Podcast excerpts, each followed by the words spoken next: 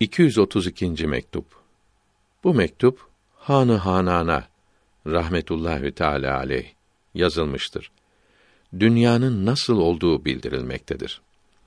Hak Sübhanehu ve Teala hiç sevmediği bu alçak dünyanın iç yüzünü ve onun aşağı olan süslerinin ve yaldızlarının çirkinliğini gönül gözünüze göstersin.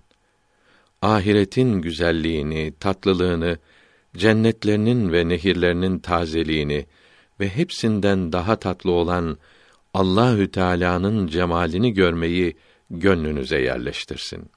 Peygamberlerin en üstünü aleyhi ve ala alihi ve aleyhim mines salavati eftaluha ve minet teslimati ekmeluha hürmetine bu duamı kabul buyursun.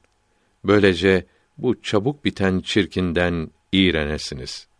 Allahü Teala'nın razı olduğu sonsuz alemi özleyesiniz. Bu alçağın çirkinliği anlaşılmadıkça ona düşkünlükten kurtulunamaz.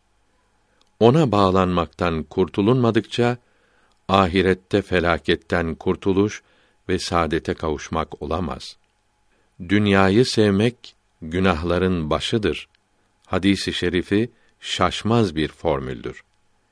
Zararları gidermek tersini yapmakla olduğundan bu alçağın sevgisinden kurtulmak için ahirete yarayan işlere yapışmak, İslamiyetin iyi olarak bildirdiği işleri yapmak lazımdır.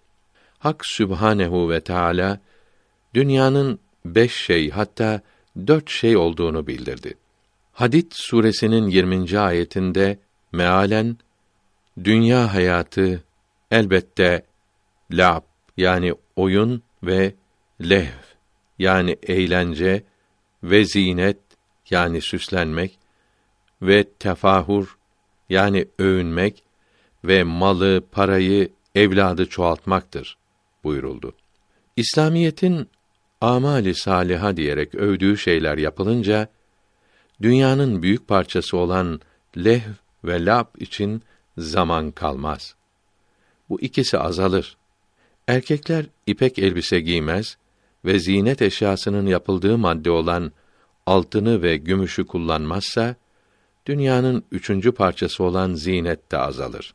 Allahü Teala üstünlüğün ve kıymetin vera ve takva ile olduğunu, sa ile mal ile olmadığını bildirmiştir diyen kimse hiç övünmez. Evladın ve malın, mülkün artması Allahü Teala'yı zikretmeyi azaltacağını ve onu unutturacağını bilen bunları çoğaltmak için uğraşmaz. Bunların çoğalmasını ayıp sayar. Sözün kısası zararlardan kurtulmak için Haşr suresinin 7. ayetinin Rasulullah'ın emirlerini yapınız ve yasaklarından kaçınınız. Meali ahlisine uyarak yaşamalıdır. Farisi Beyt tercümesi. Aranılan hazinenin nişanını verdim sana. Belki sen kavuşursun, biz varamadıksa da. Meyan Şeyh Abdülmümin temiz ailedendir. İlm öğrendi, tasavvuf yoluna girdi. Şaşılacak hallere kavuştu. Çoluk çocuğun çokluğundan insanlık dolayısıyla sıkılmaktadır. Sıkıntısını gidermek için size başvurmasını söyledim. İhsan sahibinin kapısı çalınınca açılır. Vesselam.